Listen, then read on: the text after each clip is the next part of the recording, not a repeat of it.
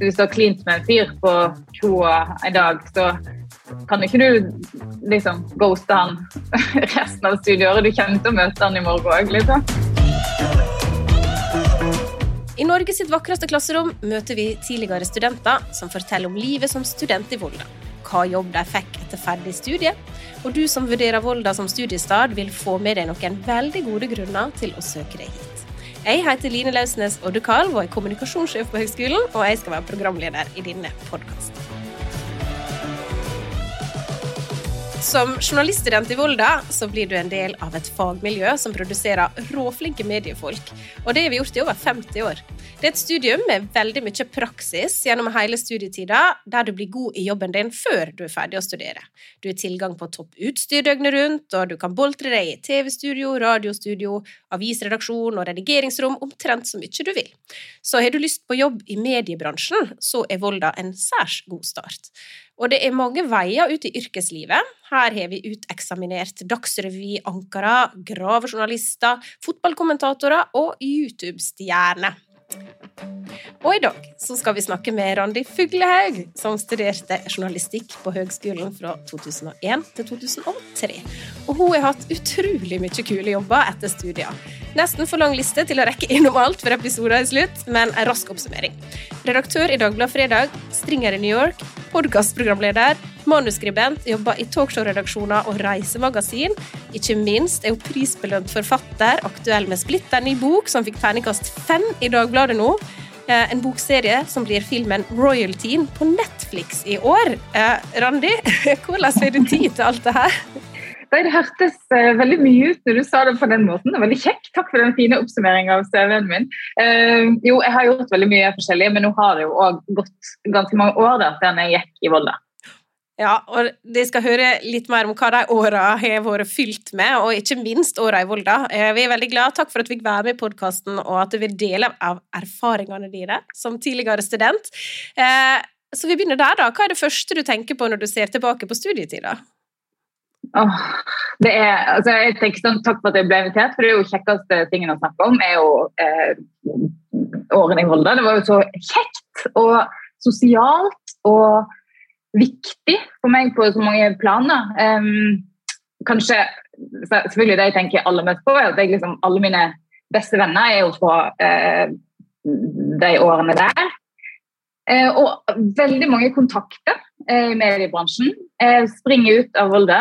På det tidspunktet at Jeg husker jeg hadde en sjef en gang som kalte Han hadde ikke gått i Volda sjøl, men han kalte Volda-studentene for Corleone-familien. Men det var sånn, litt sånn mafiafamilie som liksom have each other's backs. uten, at noe, uten at det var noe snusk, men bare på en positiv måte. At man alltid, liksom, alltid kjente folk i alle mulige redaksjoner fordi de òg hadde gått i Volda. Um, så da er liksom de folkene noe jeg eh, tenker aller mest på. Altså. Det høres ut som en gjeng du vil være en del av. Hvis vi spoler litt tilbake før du kom til Volda, da. Jeg vet at du jobber som frilanser for lokalaviser, at du alltid var glad i å skrive. Eh, men det er jo ikke alle som begynner på journalistikk som nødvendigvis har gått den veien. Eller, ja, har du noen tips til de som nå lurer på om de skal søke seg til journalist, sånn som du gjorde? Ja, jeg tror i hvert fall ikke det er noe krav at du må være så veldig glad i å skrive. For du kan jo gå på radiolinja eller TV-linja òg. Eh, jeg tenker at eh, Hvis du er nysgjerrig av deg, eh, liker å finne ut av ting og er glad i å fortelle andre om hva du finner ut, så er jo journalistyrket verdens beste yrke. Så da vil jeg absolutt 100% anbefale det. Og når du da har gått eh, i Volda og lært både radio og TV og avis og nettjournalistikk og litt sånn forskjellig som en skal, så kommer tida der en skal ut i praksis. Det er jo viktig av flere årsaker. Det ene er jo kanskje å sjekke om en liker jobben, og så har du nevnt verdifulle kontakter og mulig jobb videre. Hvordan var denne tida for deg? Du, det var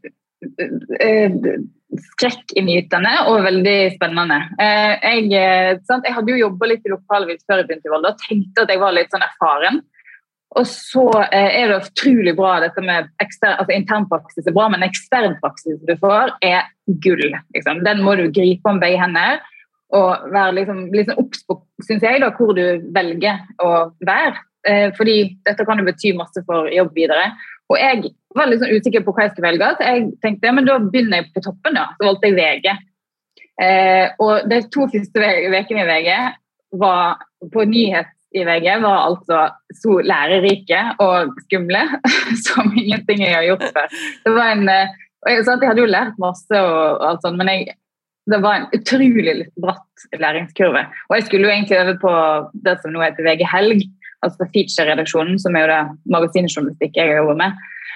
Men eh, der, i VG er det sånn at du må liksom kastes ut i det på dypt vann og, og og lære deg liksom å levere, sitte på de daglige morgenmøtene og ha ideer på blokka og gjennomføre det. Og det var eh, en reise, kan du si, men veldig, veldig kjekt. Så den eh, praksisen er, den er kjempeviktig. Du, og jeg fikk jo meg jobb faktisk i VG etterpå, eller jeg fikk sommerjobb rett etter praksisen, og så fikk jeg begynte å jobbe som vikar, og så fikk jeg fast jobb i Dagbladet. Så det var helt direkte årsak til at jeg fikk så eh, flying start på min journalistkarriere. Men det er veldig veldig bra overgang her, for jeg har jo notert med det her at det, det, det da etter studier og praksisen så ble jo Dagbladet litt sånn første stopp i det virkelige yrkeslivet. Eh, du var vel eh, den første kvinnelige redaktøren i Dagbladet Fredag, for eksempel. Kan ikke du ta oss igjennom uh, yrkes-CV-en din litt? Grann? Ja, sant? nå fortalte jo det om eh, ja, Det var utrolig stort i det hele tatt å få liksom jobb. Jeg, jeg, var jo veldig heldig, for det var ganske vanskelig journalistmarked òg. Men jeg kom inn eh, og fikk fast jobb nesten med en gang i Dagbladet. Eh, som var utrolig kjekt. Og da jobba jeg faktisk i lag med en jeg gikk i klasse med i, i Volda. Som var utrolig stas. Og det var jo, føltes jo som det her med å jobbe i ungdomsmagasin, altså Dagbladet Fredag, for de som ikke husker det, var jo på en måte eh, Dagbladet sitt ungdomsmagasin eller kultur, ung kulturmagasin. Så det føltes jo litt som å lage næraviser, bare at du fikk eh, betalt for det. liksom. ja, så var jeg der i noen år, og så ble jeg redaktør for dette magasinet. Fikk et prøvd meg på det.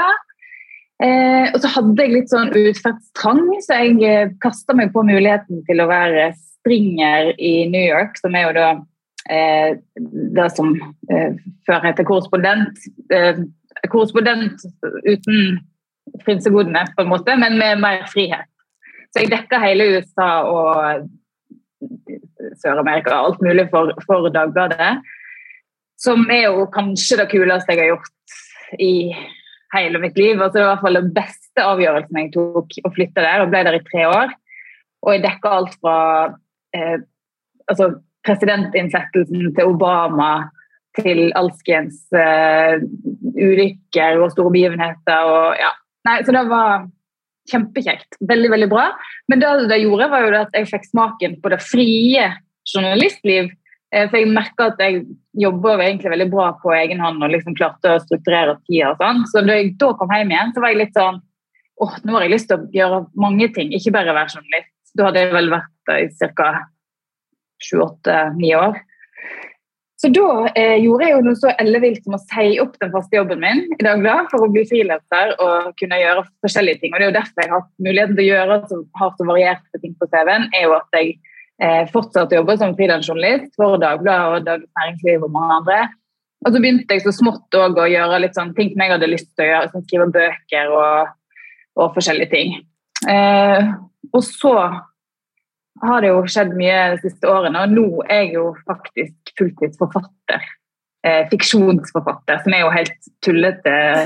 Klyper meg i armen. Eh, jeg vet jo ikke lenge det kommer til å vare, men, men, akkurat nå er det liksom eh, mer enn nok. Eh, ja, både arbeidsmessig og økonomisk. Å skrive ting jeg finner på sjøl. Så det er jo liksom, Når du har vært journalist i mange år, så har du jo levd av å fortelle andre folks historier. Mens nå kan jeg liksom fortelle mine egne folks historier. Folk jeg dikter opp eh, på egen hånd. Som er jo utrolig utrolig kjekt. Men så har jeg alltid tenkt at så altså, vil jeg gjerne jobbe som journalist igjen òg, for jeg syns fortsatt at det er verdens beste yrke. Så der handler det jo rett og slett igjen om å formidle litt. Du var jo inne på dette når det Hvis du skal begynne på journalistikk og bare ha lyst til å fortelle noe. Nå er jo du kommet dit at du kan fortelle det du har helt lyst til sjøl, men uh... Ja, jeg kan putte med ordene. Endelig kan jeg putte ordene i intervjuobjektene. Sånn som man ikke har lov til som journalist. Det må du aldri gjøre. Nei, det må aldri gjøre. Men dette skal en lære i Volda. Eh, vi, litt tilbake til eh, Volda fra dine veldig lange og gøye reiser, altså New York. Du har jo også vært innom noen talkshow, vet jeg, og, litt sånn TV-bransjen. Mm. Kan si kort om ja. Hvordan havna en der, da, hvis en har gått journalistikk i Volda?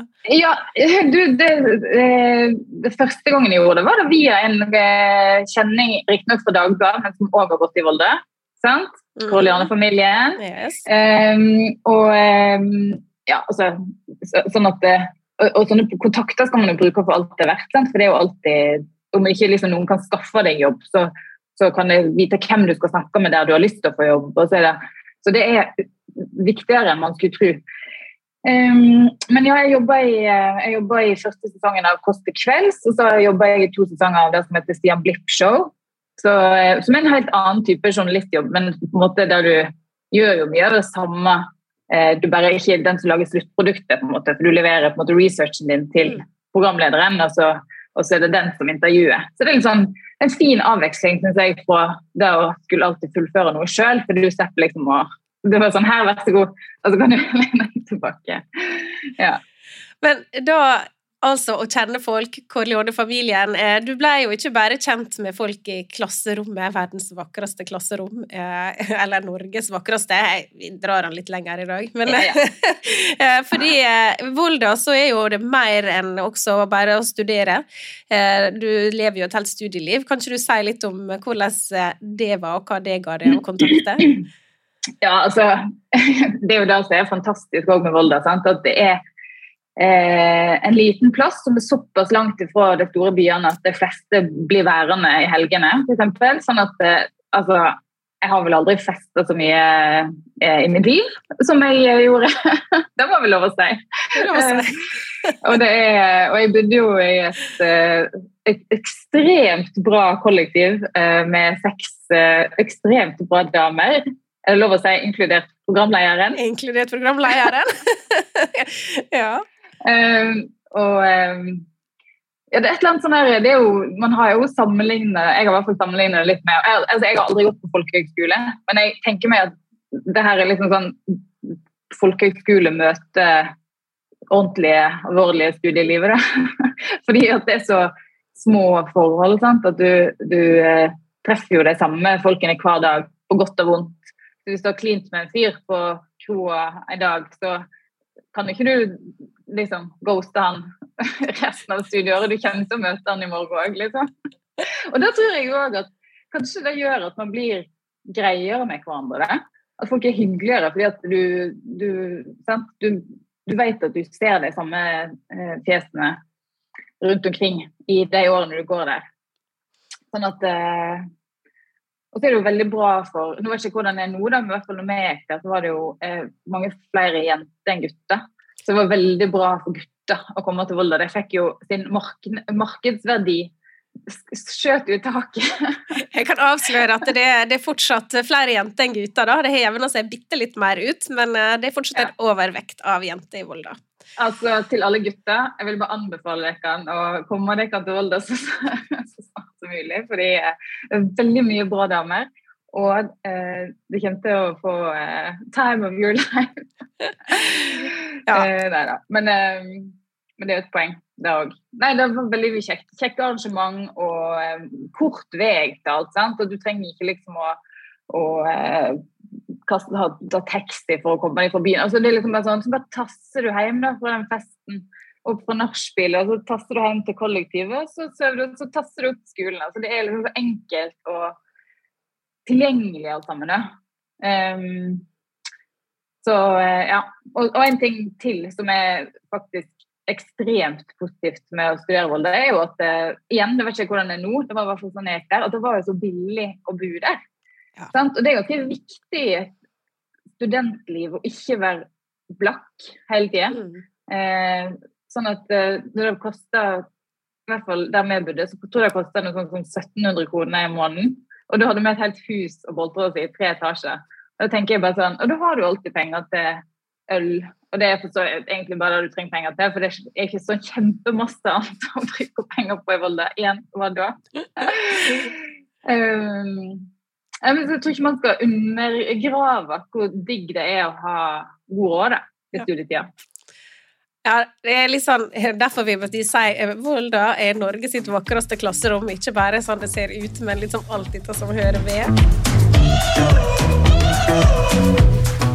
Eh, det tar oss jo veldig elegant over i den faste spalten vi har her i denne podkasten. Eh, kortstokken med 52 gode grunner til å velge Volda. Da skal gjestene få snakke kort om hvorfor de valgte Volda, eh, og hver gjest kan da velge inntil tre kort. Og da lurer jeg på, Randi, nå har du fått kortstokken, og hva kort plukker du ut? Du, jeg plukker tre kort, og vi har pratet om alle disse tingene. Fordi, og jeg kan jo ta den siste først. da. Jeg, jeg plukker kortet 'Her er billig å bo'. Fordi at det mener jeg at det skal ikke man det som jeg sa, det skal ikke liksom kimse av eh, hvor fint det er da, å komme liksom og ja, ha god råd. Eh, billig å bo. Eh, praksis inn- og utland må jeg si for meg var, har vært eh, Ja, det var rett og slett avgjørende for å eh, altså, at du har muligheten til å få den praksisplassen, og du kan velge sjøl. Og du kan velge fra øverste hylle, du kan velge akkurat hva du vil. Um, ikke geografisk eh, begrensa eller noen ting. Det tenker jeg er en helt gyllen mulighet som man må bruke godt. Også på toppen er 'Venner for livet'. Det er liksom overskriften eh, på alt som har med vold å gjøre for meg. Fantastisk. Det kan jeg skrive under på sjøl, hvis det er lov å si. Eh, og til deg som hører på nå, da, hvis du vil ha flere gode grunner til å studere i Volda, så anbefaler jeg deg å gå inn på hivolda.no, hjemmesida vår, og definitivt følge oss på Instagram, så får du et innblikk i hvordan de som studerer her i dag, har det. Eh, til slutt, da, Randi, eh, til de som skal velge nå hva de skal bli, og hva vei de skal gå, det er ganske store valg, dette her. Har du et råd til deg på tampen? Ja, jeg vil eh, råde alle sammen til å velge noe de har lyst til. Eh, fordi arbeidslivet er en veldig stor del av livet. Eh, og du må for all del ikke velge noe som foreldrene dine syns er lurt, eller noen som sier til deg at det er lurt fordi da er det lett å få jobb. Jeg tror at så lenge man driver noe med noe man syns er kjekt, så kommer man til å klare seg uansett. Og så syns jeg òg det er viktig å si at velg noe du har lyst til, og så kan du bytte. Du trenger ikke bare velge ett fag eller én eh, liksom, retning i livet. Du har så god tid. Du kan velge flere ting. Du kan bli flere ting. Det har jo jeg blitt sjøl. um, så derfor tenker jeg det er desto viktigere å velge med hjertet. Veldig bra. Velge med hjertet. Et nydelig råd du kan ta med deg på veien. Og om du lurer på om journalistikk eller andre mediefag er noe for meg, så går du altså da inn på nettsidene våre og leser litt der. Vi har også en studietest du kan ta. Og så kan du også høre flere episoder av podkasten Norges vakreste klasserom. Der du lytter til podkast, så får du møte flere som har gått i Volda og kommer med gode råd til deg. Tusen takk til deg, Randi. Tusen takk for at du fikk komme.